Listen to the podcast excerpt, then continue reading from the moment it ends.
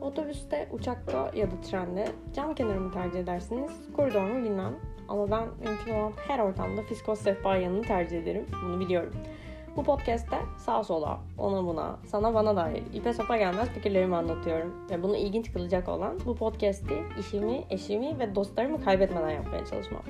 6 yaşından itibaren Allah aşkına bir sus artıklarla büyütülen 1.55'lik gözlerini dere tepe düz giden psikos seanslarına hoş geldiniz.